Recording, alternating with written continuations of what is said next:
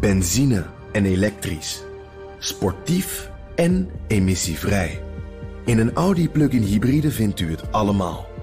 Ervaar de A6, Q5, Q7 en Q8 standaard met quattro vierwielaandrijving. Wat u ook zoekt, u vindt het in een Audi. Audi. Voorsprong door techniek.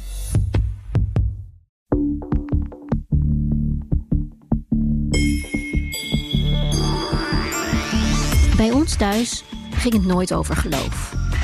Maar op de eerste dag van een konijnenjaar, het Chinese dier waaronder ik geboren ben, kreeg ik wel een rode armband met oud-Chinese munten voor bescherming en rijkdom. Vier was bij ons een ongeluksgetal, want als je het uitspreekt, klinkt het net als het Chinese woord voor dood. En op verjaardagen aten we extra lange noedels voor een extra lang leven. De Communistische Partij is officieel atheïstisch. Iedereen in China mag zich aansluiten bij een godsdienst, maar wel alleen als die door de overheid is goedgekeurd. Aan die goedkeuring kleven soms voorwaarden. Zo is er bijvoorbeeld al jarenlang discussie tussen het Vaticaan en de partij over de benoeming van bisschoppen. In 2018 werd hier een deal over gesloten, die deze maand afloopt. In deze aflevering daarom de vraag: hoeveel godsdienstvrijheid hebben christenen in China? Mijn gasten deze aflevering zijn Pater Jeroen Hendricks, die geldt als een van de grootste kenners van de Rooms-Katholieke Kerk in China, en Bas Plezier, emeritus predikant van de Protestantse Kerk, die onder andere docent missiologie was in Hongkong en veel contact heeft met de kerkelijke leiders in China. Mijn naam is Liao Wang en deze podcast wordt mede mogelijk gemaakt door het Leiden Asia Center. Jeroen, om bij jou even te beginnen. Jij was pater in België toen je in de jaren 50 al hè, naar China vertrok. Wat was de reden dat je daarheen ging? Wat hoopte je daar te bereiken? Wel, China was voor mij vroeg een droom geworden als uh, jong, jonge student eigenlijk. En ik heb eigenlijk beslist om schutist, pater van Scheut te worden, om naar China te gaan toen ik 16 jaar oud was. Toen ik een bischop uit Sint-Niklaas gehoord had en die vertelde een dramatisch verhaal over de vernietiging van zijn missie door de communisten. Die man is later in het gevangen gestorven. Dat heeft mij zo diep getroffen. Ik was 16 jaar. Toen stond het bij mij vast. Als ik middelbare school beëindig, ga ik naar school, scheut en dan naar China. En China is dan Taiwan geworden. Want China mij al gesloten. Maar dan heel lang, veel jaar later, is China opengekomen en ben ik toch met China bezig geweest. Van toen, van het jaar 80 tot vandaag. Bas, jij bent begonnen in Hongkong hè? en vanuit Hongkong um, ben je gaan reizen en heel veel in China geweest. Um, wat zie jij voor de Chinezen als de aantrekkingskracht van de kerk? Hoe, hoe was dat anders dan bijvoorbeeld in Nederland?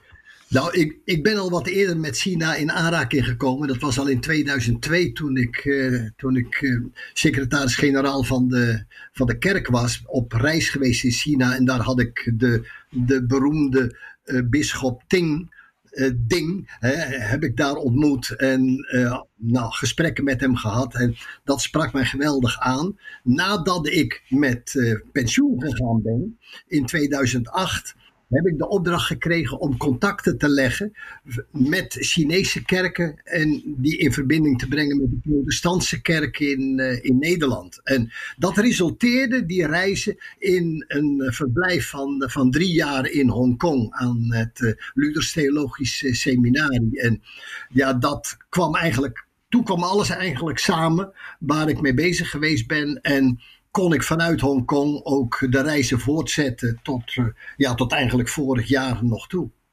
En, en hoe uh, ziet het christendom of, of het protestantisme in dit geval in, in China er anders uit dan in Nederland? Uh, als je naar, de, naar de, de kerkdiensten gaat, niet veel. Uh, dat, dat lijkt bijna hetzelfde als wat we in, uh, in Nederland ook in protestantse kerkdiensten zo zien. Maar in de, de, de omgang met mensen en in de, de wijze waarop zij hun geloof verwoorden en het enthousiasme waarmee zij het christelijk geloof uitdragen en daar uh, zeer in geloven en met iedereen het delen, ja, dat was wel heel bijzonder voor mij en totaal anders dan dat ik hier in Nederland eh, gewend ben, waar we vaak heel schuchter zijn. En ik heb juist van de Chinezen geleerd van, uh, nou je mag er best wel eens over praten en uh, het even delen waarom het zo belangrijk is. Ja, ja. Hey, Jeroen, jij bent natuurlijk echt heel lang in China geweest, hè? Um, wat, als we dan eens even teruggaan naar, nou ja, bijvoorbeeld China in tijden nog toen het een keizerrijk was. Welke, welke rol speelde religie ten opzichte van zo'n keizer, die zelf ook uh, ja, een vertegenwoordiging van, van God was, of zichzelf in ieder geval zo zag? Ja, eigenlijk als je het zo ziet, officieel is China nu vandaag atheïstisch, maar vanuit de traditie had de keizer al een zeer religieuze functie. Een paar keer op het jaar moest hij offers brengen. En er staat in Peking nog altijd de Tempel des Hemels. Die traditie, en ook in, de, in, de, in uh, het denken, het Chinese denken, er zijn ook in China vandaag belangrijke schrijvers die duidelijk verdedigen dat godsdienst, godsgeloof behoort tot de Chinese traditie. Maar het is wel zo dat het christendom in China het altijd moeilijk gehad heeft. Ja. Doordat het altijd aanzien is als een godsdienst uit het buitenland. Ja. En doordat het vooral vanaf de 19e eeuw toch wel in China binnengekomen is aan de hand van de imperialistische machten. En dat is moeilijk geweest. Maar het christendom dan, de christen die wij gekend hebben, Bas en ik, eerst in Taiwan, maar dan als ik naar China ging, in die oude missies in Binnen-Mongolië, waar Scheut gewerkt heeft. Dat is een zeer gelovig christendom. Eigenlijk van ons, vanuit ons standpunt uit gezien zeer traditioneel, zeer behoudsgezind. Uh, een beetje, u mocht zeggen, een beetje achter, uh, ze zijn ten achter gebleven, ze helemaal niet bij, bij het huidige christenen denken, zeker niet van Vaticaan II. Nee, heel, eigenlijk heel, een heel ouderwetse vorm dus van het geloof. Her, herken jij dat, uh, Bas, aan, aan de protestantse kant? Ja, ook, ook wel. Ook wel. Bij, bij de protestanten uh, kenmerkt zich. Uh, je zou zelf bij de protestanten kunnen zeggen, de, de, de Bijbel is het grote kenmerk van het protestantisme. En uh, daar wordt ontzettend vastgehouden aan een oude Bijbelvertaling die begin 1900 uh, is gemaakt, de, de Union Bible Translation. En nou, alles wat er ook maar verandert en de taal verandert, maar dat kan eigenlijk niet veranderen. En je merkt dat die traditionele vormen, de traditionele woorden van, die ze uit de Bijbel kennen, die moeten op diezelfde manier doorgegeven worden. Maar het bijzondere is dat de jongeren dat op een andere manier ook weer oppakken en dat in ja, gewoon modern Chinees kunnen uitdragen. En dat slaat dan ook weer aan. Dus het is traditioneel en ook weer ontzettend modern, wat ik bij die protestanten tegenkwam. Dat ze gebruik maken van uh, social media en dat ze uh, WhatsApp of WeChat groepen hebben en zo met elkaar van alles en nog wat delen. En uh, de kerk ook ja, in tot op huiskamerniveau hebben teruggebracht soms. En daar allerlei groepen vormen die met elkaar spreken over, over de Bijbel en het geloof en het goede leven. Hoe je moet leven in China. Hmm. En, en Jeroen, waar, waar denk jij dat dat vandaan komt? Dat het uh, de aantrekkingskracht eigenlijk van zo'n, ja, voor Chinezen toch wel buitenlands geloof? Wel ja, dat het succes van die verkondiging vroeger is toch wel de verdienste van het getuigenis van de missionarissen uit die tijd. En welke tijd hebben we het dan over, grofweg? Oh ja, dan mocht u teruggaan, uh, 200, 300 jaar, 200 en 100 jaar geleden. Want uh, 100 jaar geleden werd het christendom officieel in China bestreden, omdat ze zo nauw verbonden waren, toch wel met die westerse machten. Maar niet tegenstaande dat, is daar een christendom gegroeid, katholiek, protestants, zeer trouw aan de Bijbel. En wat de katholieken betreft, trouw aan Rome. Misschien ook juist doordat die onderdrukking er was, dat ze ook heel strak naar Rome toetrokken. Waarschijnlijk heeft dat er zelfs toe, toe bijgedragen. Ja. Maar die, die gedachte is fundamenteel om het huidige China, om de kerk in China vandaag te begrijpen. Protestants of katholiek. Daar zijn ook vandaag groepen jongeren, zeer modern, zeer open. De wijze van bidden. Ik heb groepen voorgegaan in de kathedraal in Peking met ja, 200, 300 jongere mensen die met de handen omhoog bidden en zingen. Helemaal niet traditioneel Chinees. Dat bestaat ook en dat groeit in China. Er is dus een moderne kerk, maar de grote meerderheid van de katholieken althans, ja, die, ja, die zijn zeer traditioneel. Zeer tra- traditioneel het oude katholieke geloof dat wij hier in Vlaanderen destijds gekend hebben, waar we op waren. Maar zelf zie ik mezelf als, ik heb jaren les gegeven pastoraal theologie en Chinese seminaries. Ik kan zien mezelf als een promotor van Vaticaan II. En dat traditionele, de mensen me moeten ze aanzetten om mee te komen. En, dat, en het zou in zekere zin teleurstellend zijn als je dan die mensen hoort bidden, de oude mensen dan in die oude traditionele manier. Wel, dat is teleurstellend, maar wel wat China betreft, als ik het vanuit China betref, zie, dan stoort mij dat helemaal zoveel niet. Want ik weet wat die mensen meegemaakt hebben. Zij hebben Mao Zedong meegemaakt, overleefd. Hè? Ja, want jij, jij was in China tijdens uh, het staartje van de culturele revolutie, hè? Ik kwam in China daarna. Maar, maar de nasleep, men voelde dat nog aan, die atmosfeer was daar. En wat heb je daar gezien, Joram? Oh, wel, dat was vooral een trauma bij de christenen, wat dat die onder. En dat trauma was toen zeer levendig, een wonde, dat was een gewonde kerk. Oh ja, en dat heb ik bij protestanten al ervaren, maar ook bij katholieken. Ontroerend.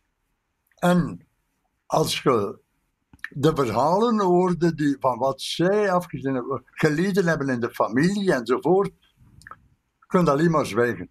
Je hebt niets te zeggen. Ja. Zij zijn het, ze hebben het beleefd. En ze hebben het overleefd. Ja, en daarmee refereer je aan het feit dat Mao eigenlijk alle religieuze uitingen heeft, uh, ja, heeft uitgewassen hè, in die tijd. En zij hebben Mao, wat het geloof betreft, ja. overwonnen. Mao bedoelde om het geloof gewoon uit te roeien, de kerk te doen verdwijnen. Hij heeft het moeten opgeven. En het is Deng Xiaoping die dan van in het jaar 78 ja, vrijheid van godsdienst terug de constitutie gebracht heeft, in het jaar 82 dan. En daar is mijn bewondering voor die laatste dan maar traditioneel zijn. Wel, in spite of Vatican II, wij hopen dat. Maar dat mag zijn tijd nemen. Zij zijn sterker geweest dan de communistische partij. Eigenlijk houden zij vast aan het geloof waar ze dus voor gevochten hebben in die tijd. Dat is wat hoor zeggen. Oh ja, dat is het. Zij waren uh, sterker. En in mijn overtuiging zijn ze nog sterker. Mm. Op de, zijn ze op het ogenblik nog altijd sterker dan de partij. Want ook vandaag gaat het slecht, of veel minder goed.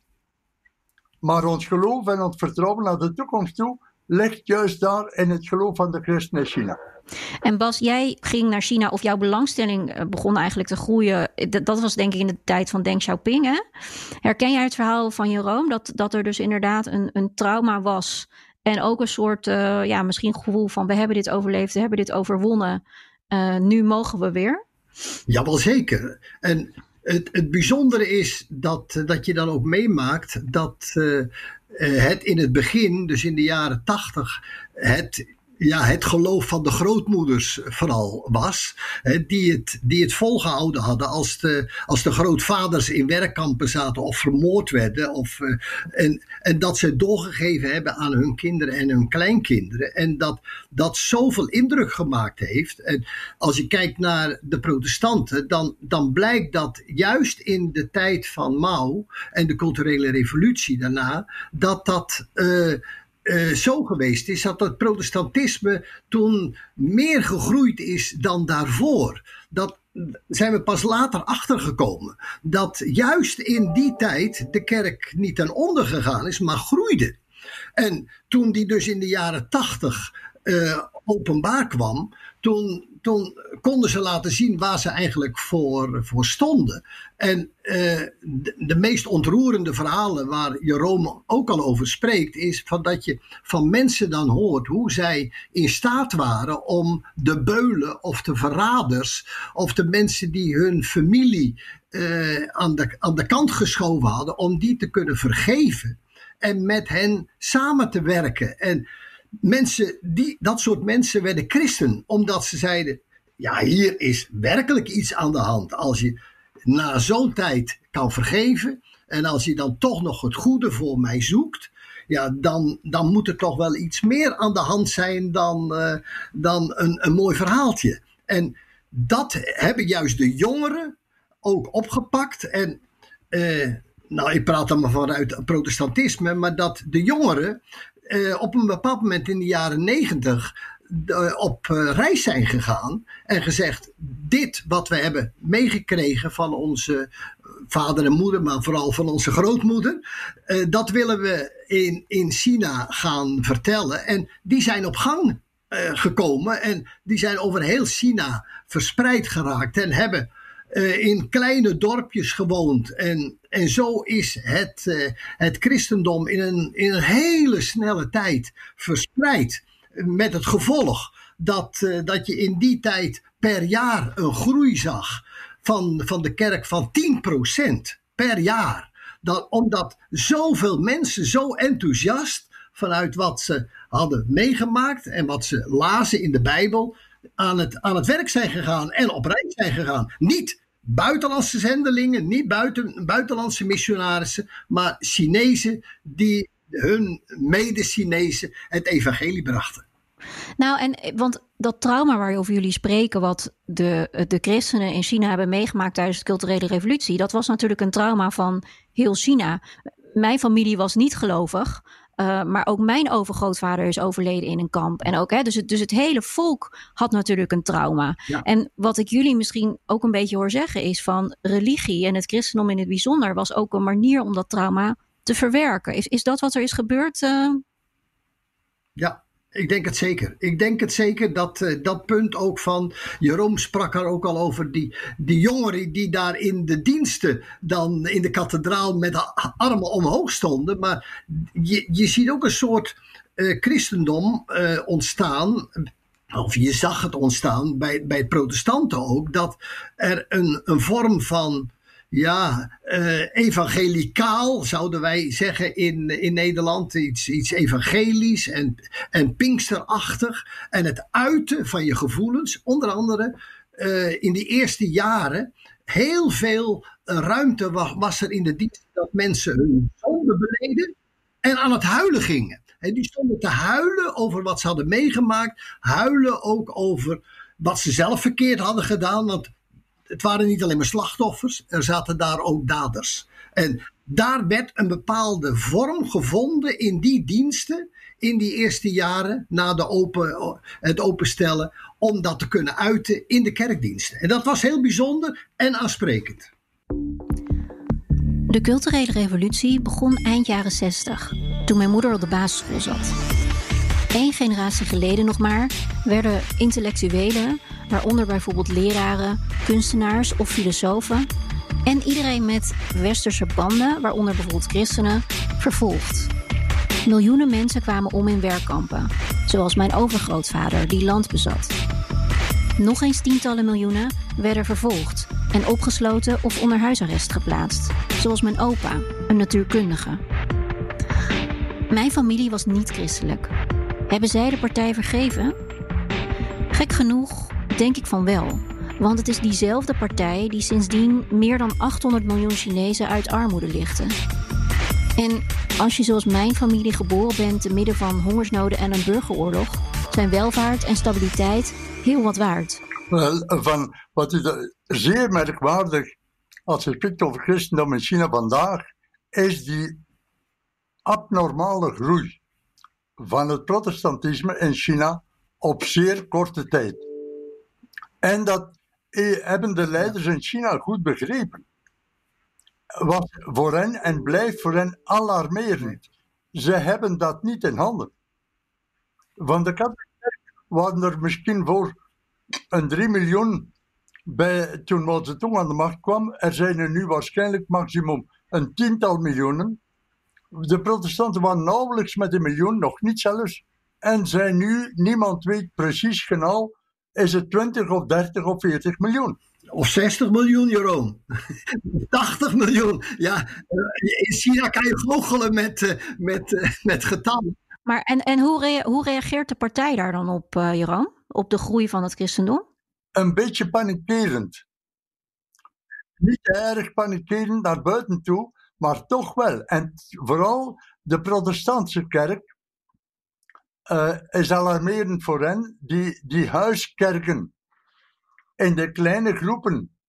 En daarvoor waren de protestanten allemaal samengebracht in één groep. Het christendom was katholieken en protestanten, zonder onderscheid.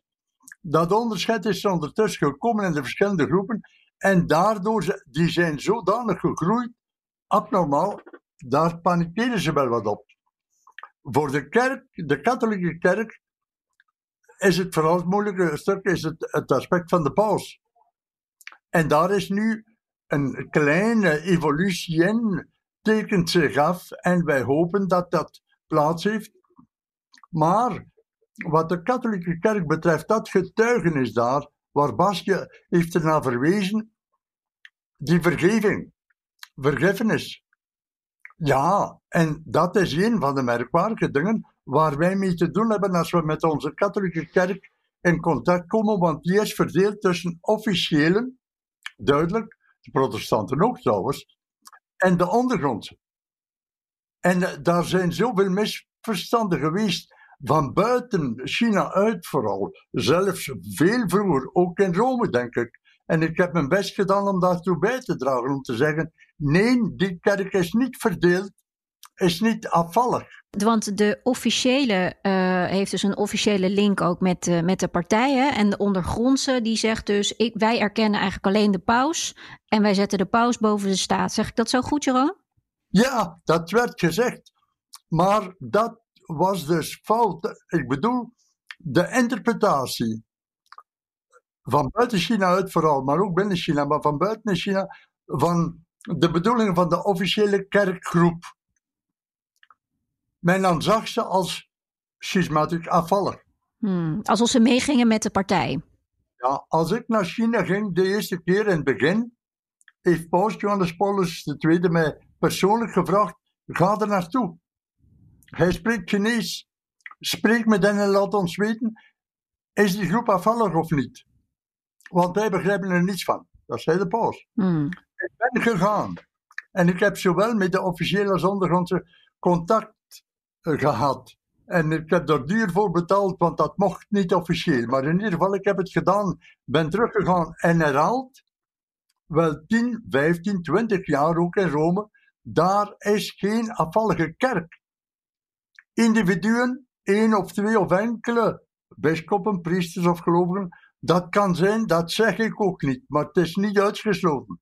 Maar als groep, geen sprake van. Zowel de een als de andere. En dat wordt nu, ja, dat is nu aanvaard, maar nog niet in heel de kerk. En wij moeten nog leren begrip doen voor de een, zowel als voor de andere. En Bas, ik zie jou knikken. Speelt er zoiets vergelijkbaars uh, in de protestantse kerk? Ja, het is, het is heel erg uh, vergelijkbaar in de zin van dat uh, Mao heeft in het begin van zijn, zijn regering aan het einde van de jaren 40, jaren 50 geprobeerd om de kerk onder controle te krijgen. Ook typisch Chinees, waar Jeroen het al over had, de keizers, die zei van eeuwen her al altijd al bezig geweest om de religie te controleren, in de greep te hebben en, en te leiden in een bepaalde lijn. Dus dat betekende voor de protestantse kerken dat zij al die verschillende kerkjes, die werden samengeveegd in één grote officiële kerk, de zogenaamde Drie Zelfkerk. Een kerk die helemaal zelfstandig was, die zichzelf kon eh, behelpen, die zelf het evangelie kon eh, vertellen, eh, maar die vooral gecontroleerd en elke keer weer in de gaten gehouden werd vanuit het religieuze bureau, om het zo maar eens te zeggen. En er zijn toen heel veel christenen geweest, protestantse christenen, die net als bij de katholieken gezegd hebben: daar passen wij voor, dat doen we niet. Wij willen niet in een kerk zijn waar de staat over onze rug meekijkt of zelfs bepaalt wat er gezegd moet worden. die hebben dan hun ondergrondse kerken of hun vrije kerken gesticht. En die zijn zo naast elkaar blijven bestaan.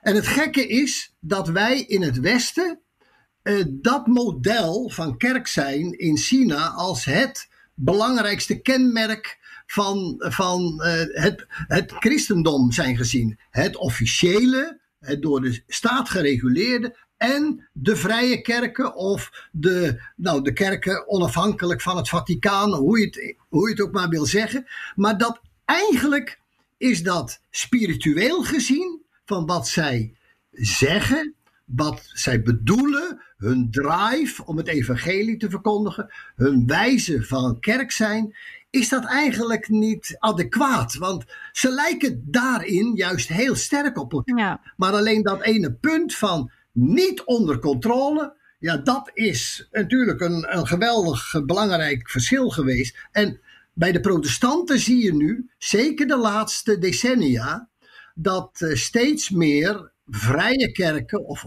uh, ja, niet geregistreerde kerken ook samenwerking gaan krijgen met de officiële kerken.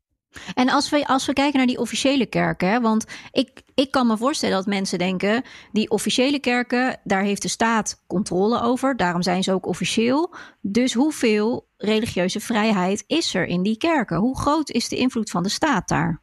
Ja, nou ja, dat, is aan, dat, dat blijft ook voor mijzelf, moet ik ook eerlijk zeggen, soms ook een behoorlijk mysterie. Want uh, dat, dat, daar kom je nooit helemaal precies achter. Wel dat je merkt dat je ook in mijn bezoeken, dat als ik met, met wat kerkleiders plaatselijk, provinciaal op pad ging, dat er altijd wel een moment kwam dat je ging lunchen en dan kwam daar, kwamen daar de, de officials van het religieuze bureau, uh, plaatselijk, provinciaal, landelijk, die kwamen dan even mee en dan, dan moest er gedronken worden en geborreld worden. En eh, nou, dan was er heel gezellig gepraat en, en het leek net allemaal of ze het altijd met elkaar eens waren. En uh, je kon helemaal niet merken wie is nou eigenlijk christen en wie is het nou niet. Want die officials die spraken ook op die manier. Uh, een wonderlijke situatie. Maar dat je wel merkte dat de, de christenen, die gebruikten dit op een of andere manier ook om zichzelf een bepaalde vrijheid en een bepaalde ruimte te creëren. En daardoor, stapje voor stapje, dat was juist in de jaren dat ik daar rondging, dat er steeds meer mogelijkheden kwamen. Bijvoorbeeld, uh, het is volgens de wetten, de godsdienstwetten, niet uh, mogelijk dat kinderen tot 18 jaar uh, collectief uh, godsdienstonderwijs krijgen. Dat, dat ze naar de kerk mogen komen. Of dat er een soort zondagschool zou zijn. Dat mocht niet. In, in de eerste decennium van deze eeuw kwamen er steeds meer officiële zondagsscholen. Uh, waar, waar, soms ook de, de regeringsambtenaren dan ook bij zaten. Die ook toestemming gaven om een gebouwtje te maken. Ja, dus eigenlijk, dus, eigenlijk door, dus eigenlijk door mee te bewegen met die officials, mocht er, mocht er ook steeds meer. Doordat ze dan, hè, door ze het gevoel te geven van invloed, kreeg je eigenlijk meer, meer vrijheid. Jeroen, zag jij dat ook bij de, bij de katholieke staatskerk, zeg maar? Ja, wel. Uh, dat heeft iets te doen met de, de Chinese cultuur, traditie. De relatie is belangrijk. En als je in een confrontatiesituatie komt, hoe dan ook, ga daar niet volledig in door. Dat is het basisprincipe wat ik van in het begin zelf heb geadopteerd. Dialoog. En dialoog met iedereen. Het is in lijn met ons evangelie trouwens. En we gaan nu wel naar China, dat is wel atheïstisch China. En we kennen wel de, het beleid van China wat godsdienst betreft. Maar laat ons eerder praten dan vechten. En begrijpen. Ik denk zelfs dat dat wat evangelisatie, missie naar China toe betreft, is dat fundamenteel. En we moeten dat nog leren. We moeten leren luisteren, luisteren en niet zeggen, maar luisteren naar die ondergrondse. En dat heb ik jaren gedaan. Als die mensen iets vertellen, dan zwijg ik. Want al wat ze zeggen is waar. Het is gebeurd. Maar begrijpen. En dan ook de officiëlen. En mijn vraag is, wie leidt daar het meest in China? Soms zijn het wel de officiëlen, want die doen wel officieel mee. En die trachten in vrede, die trachten te begrijpen, ja, een goede relatie op te bouwen, met de, want die zijn de baas. Maar daarvoor moeten zij veel, ja, veel afzien en veel begrijpen en veel laten tegen hun eigen goesting in. Ik heb de grootste waardering en bewondering voor die binnenlandse Chinese missionarissen, leken en priesters en religieuzen. De officiëlen, maar ook de ondergronds. Ja, ja. En, en als we dat nou eens naar um, vandaag de dag trekken. Nu is Deng Xiaoping was natuurlijk heel erg voor een open China. Dat was natuurlijk ook een unieke open periode. Uh, Xi staat daar wat anders in. Hè? Die uh, is wat dat betreft ook iets meer richting Mao. Creëert hij graag een persoonlijkheidscultus om zichzelf heen. Uh, wat, wat doet dat met de, de rol of de vrijheid van het christendom op dit moment? Wat zie je daarvan, uh, Jeroen? Dat schept een probleem. Dat roept veel vragen op. En zelfs het woord nieuwe culturele revolutie wordt gebruikt in China, niet algemeen. En veel vragen. Er was grote hoop tegenover Xi Jinping toen hij aan de macht kwam. Maar die, die hoop is ondertussen veel verminderd. Wat de katholieke kerk betreft, wat ik dan zelf wel positief vind, is dat Xi Jinping wel in dialoog gegaan is met de paus Franciscus. En deze paus Franciscus heeft de moed, de durf gehad om dat aan te gaan. En ja, dat, die, die dialoog is er begonnen het tweede, derde jaar toen Franciscus paus was. Verliep niet zo vlot, maar is toch geëindigd in een, in een, in een akkoord. Dat akkoord, daarvoor applaudisseer ik, dat is goed. Het is goed voor de kerk, het is historisch. Ja, en, en dat is het akkoord over de rol van de officiële kerk. Hè? Dus wat het Vaticaan mag en wat, wat de Chinese partij mag. En het gaat dus niet over diplomatieke betrekkingen. Heeft het Vaticaan geweigerd. En het gaat wel over de benoemingen door de paus van bisschoppen. En dat is historisch. Voor de eerste keer in de geschiedenis hebben de communisten de paus als paus, als herder van de kerk, erkend. Daarvoor nooit. Voor hen bestond de paus al enkel maar als de leider van het Vaticaan, die staat. Maar niet als paus. Dat is nu wel gebeurd, dat is historisch. En ik steun dat ten volle, ik zeg dat ook openlijk op lezingen enzovoort. Maar wij moeten erkennen dat het, het, akkoord heeft nog niet veel opgeleverd.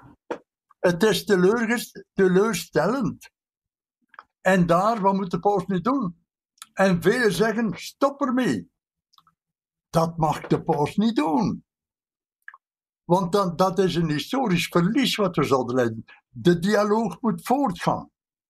Want het is niet zo dat de communisten zo zeker zijn van hun toekomst. Zij zijn intern verdeeld over die zaak.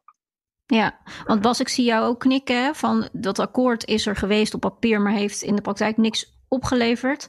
Um, hoe, hoe merk je dat, ja, hoe zou ik het zeggen? Op de vloer? Dus als jij christen bent in China, wat, wat mag je dan allemaal wel en wat niet? Wel, onder andere, het is al gemeld, jonge mensen mogen niet meer naar de kerk komen. Ze mogen niet meer gedoopt worden. Men mag geen, geen zondagscholen meer organiseren. Dat is, waar ik het zeg, dat is tegen het algemeen aanvaard begrip dat de ouders eerst en vooral belast zijn met de opvoeding van hun kinderen. Ook op het gebied van geloof. Geen, in geen enkel land mag de staat dat recht afnemen van de, van de, maar in China doen ze dat.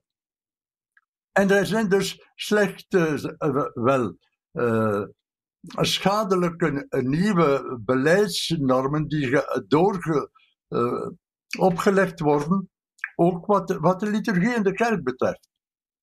En nu, maar in het algemeen, de teleurstelling was, wij hadden gehoopt dat meer bisschoppen door de paus konden benoemd worden. Er moeten er wel een 30, 40 benoemd worden.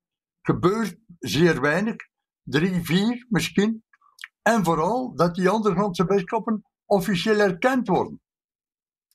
En dat gebeurt vooral niet. En men treedt zeer hardhandig op tegenover de ondergrondse. Ja. En, Bas, als we dan even naar jou gaan, uh, zie je datzelfde aan de protestantse kant? Dus dat er wel soort van uh, op papier afspraken worden gemaakt, maar dat die in de praktijk eigenlijk niets voor opleveren? Ja, ja het, hetzelfde. Uh, kijk, groot, grote verdragen. En kijk, de protestanten die zijn natuurlijk totaal anders georganiseerd. Ja, uh, de, ja. de katholieken hebben het, de, het voordeel en het nadeel, om het te zeggen, dat ze zo gecentraliseerd zijn.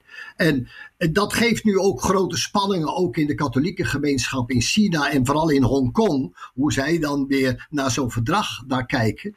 En zeggen van eigenlijk is de, de kerk, het grondvlak is een beetje overgeleverd en uitgeleverd aan de communisten. En ze hebben er eigenlijk weinig voor teruggekregen. En uh, dat loopt uh, steeds meer uit op een, uh, een controle van de overheid.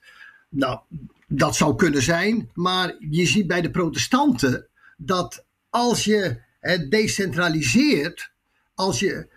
Kijk, bij, bij protestanten is het zo: heb je een Bijbel, uh, is er iemand die die Bijbel kan lezen en die ook kan zingen, die kan bidden en die wat mensen bij elkaar brengt in een huiskamer, buiten of weet ik wat, dan heb je een kerk. Ja, dus er is veel moeilijker grip op te krijgen. Ja, en dat, dat is natuurlijk een, een horrorscenario voor, voor de overheid. Omdat wil je controle uh, uitoefenen, dan gaat dat op deze manier niet. En het, dat gaat als een sneeuwbal gaat dat door. Vandaar dat de groei van de protestanten veel, veel groter is geweest. Ja, en heb jij nu het idee, Bas, dat je als, als protestant um, echt in, in vrijheid je geloof kan beleiden in China? Ja, dat, dat is, daar kan ik geen, geen, uh, geen eenduidig ja of nee zeggen. Want als je met, met uh, veel jongeren. Ik heb de laatste jaren nogal opgetrokken met jonge protestanten in kerken. En dan een paar jaar geleden had ik daar een, een groep. En uh, als ik dan probeerde eens aan te geven, nou, het gaat politiek, nou, er wordt toch veel meer controle geuit, er is steeds meer dingen die teruggedraaid worden, dan zaten ze me aan te kijken zo van, nou, wij hebben elkaar toch. Wij, wij, ontmoeten elkaar toch? We kunnen toch met elkaar communiceren? We komen gewoon door de week bij elkaar. En zondag zitten we in de kerk. En dat vinden we ook mooi, want dan zitten we bij onze moeders en de grootmoeders. En ze voelen die gemeenschap. Maar daarbuiten gaan zij hun eigen weg. En alsof zij zich daar totaal niks van aantrokken. En ik heb in het begin gedacht: is dit nu manipulatie van de overheid? Is, is dat nou echt uh, het resultaat van de brainwash die, die zij daar gekregen hebben? Of is dat nou een wijze van christen zijn, waardoor je je door de overheid niet laat knechten?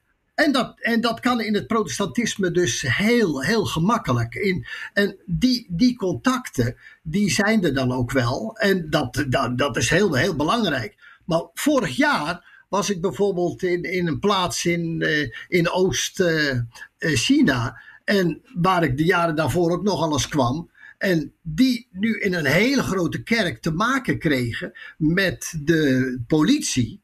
Die elke zondag voor de deur kwam te staan. En die stond daar te kijken of er geen kinderen tot 18 jaar naar de kerk kwamen, of er geen zonderschool gehouden werd. En uh, nou, dat was voor de mensen daar in de kerk. Uh, de officiële kerk was dat trouwens, was dat heel, heel dramatisch. Dat ze dat nu al maanden moesten meemaken.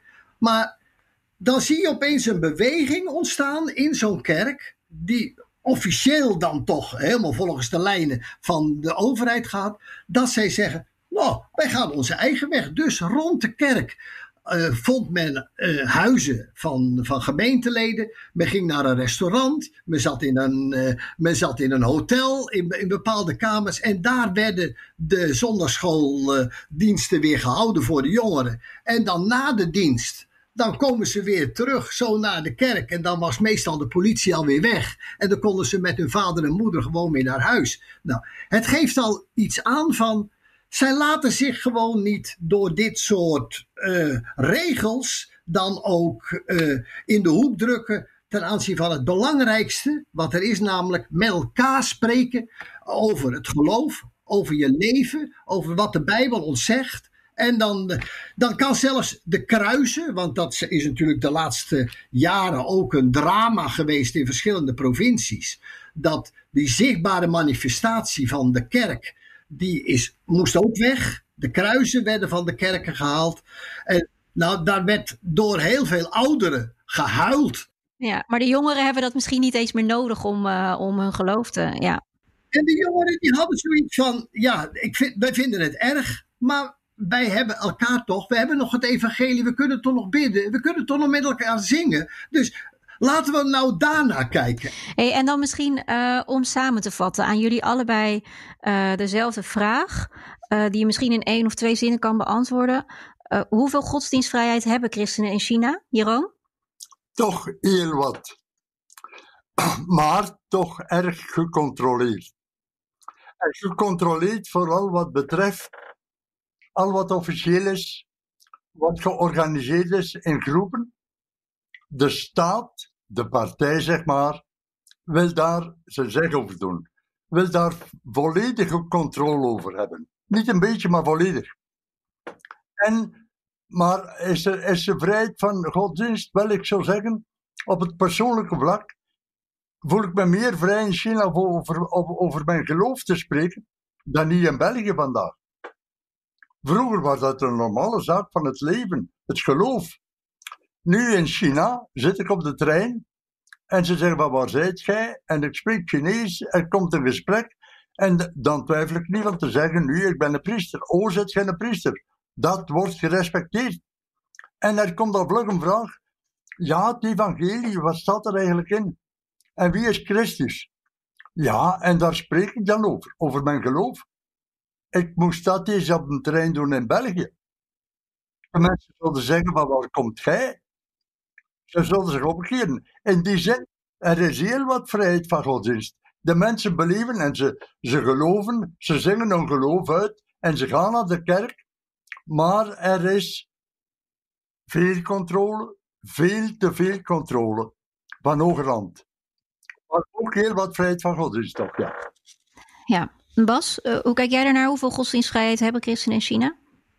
Ja, ik sluit me aan bij wat, uh, wat Jeroen zegt daarover. Over uh, zeg maar die innerlijke vrijheid en van wat er in de harten van mensen groeit en de belangstelling. Dus dat is veel, er zijn vele dingen mogelijk. maar je ziet wel dat zowel in de geïnstitutionaliseerde officiële kerken er steeds meer dwang is. Ze zijn nu rechtstreeks onder het veiligheidsdepartement geplaatst. En er wordt veel ook gedaan om hen echt in de greep te houden. Soms moeten ze de preken ook laten, laten lezen vooraf. Dus dat, dat soort dingen, dat maakt het heel moeilijk. Uh, ik heb pas een artikel geschreven onder de titel het christendom in China gekortwiekt en in bloei. He, zoals je met een bonsai doet. en er wordt continu gekortwiekt, maar het groeit door en het bloeit. En dat is het wonderlijke wat er gebeurt. Je ziet allerlei eh, aspecten dat eh, de regering probeert de significatie, zoals ze dat noemen, het, de Bijbel, het evangelie op een Chinese wijze te brengen. En ja, dat allerlei grondzaken vanuit het christelijk geloof eigenlijk daardoor zouden moeten verdwijnen of zo duister worden dat het eigenlijk niet meer christelijk lijkt of is. Maar de Chinezen gaan gewoon hun eigen gang en uh, zij laten zich niet kortwieken alleen. Nee, zij praten door en uiteindelijk groeit, en dat is het wonderlijke, totaal andere vergeleken met de vele eeuwen hiervoor. Het christendom is niet meer weg te krijgen uit China. Het is nu echt geworteld. En daardoor uh, zie je ook die bloei ook nog steeds doorgaan. Dank jullie wel. Individueel en in kleinere kring is er dus alle vrijheid om je geloof te beleiden en te delen. Alleen zodra er officiële organisatie en affiliatie met bijvoorbeeld het Vaticaan bij komt kijken, komt ook de controle van de overheid. Maar zoals Bas zei, Chinezen zelf ervaren dit niet eens per se als een beperking van hun vrijheid. Mijn oma zei wel eens over de tijd van Mao: zelfs je dromen werden bekeken. Als dat je kader is, dan voelt het kunnen delen van je geloof met je vrienden, familie en gemeenschap misschien al als echte vrijheid. Ook al kan dat niet altijd op de plek of de manier die je in gedachten had. Tot zover deze China-podcast. Dank aan mijn gasten Bas Plezier en Jeroen Hendricks. Deze podcast wordt mede mogelijk gemaakt door het Leiden Asia Center en is terug te luisteren via bnr.nl/slash China-podcast, de BNR-app of je favoriete podcastplatform. Reageren? Dat kan via podcast.bnr.nl. Benzine en elektrisch. Sportief en emissievrij. In een Audi plug-in hybride vindt u het allemaal. Ervaar de A6, Q5, Q7 en Q8 standaard met quattro vierwielaandrijving. Wat u ook zoekt, u vindt het in een Audi. Audi. Voorsprong door techniek.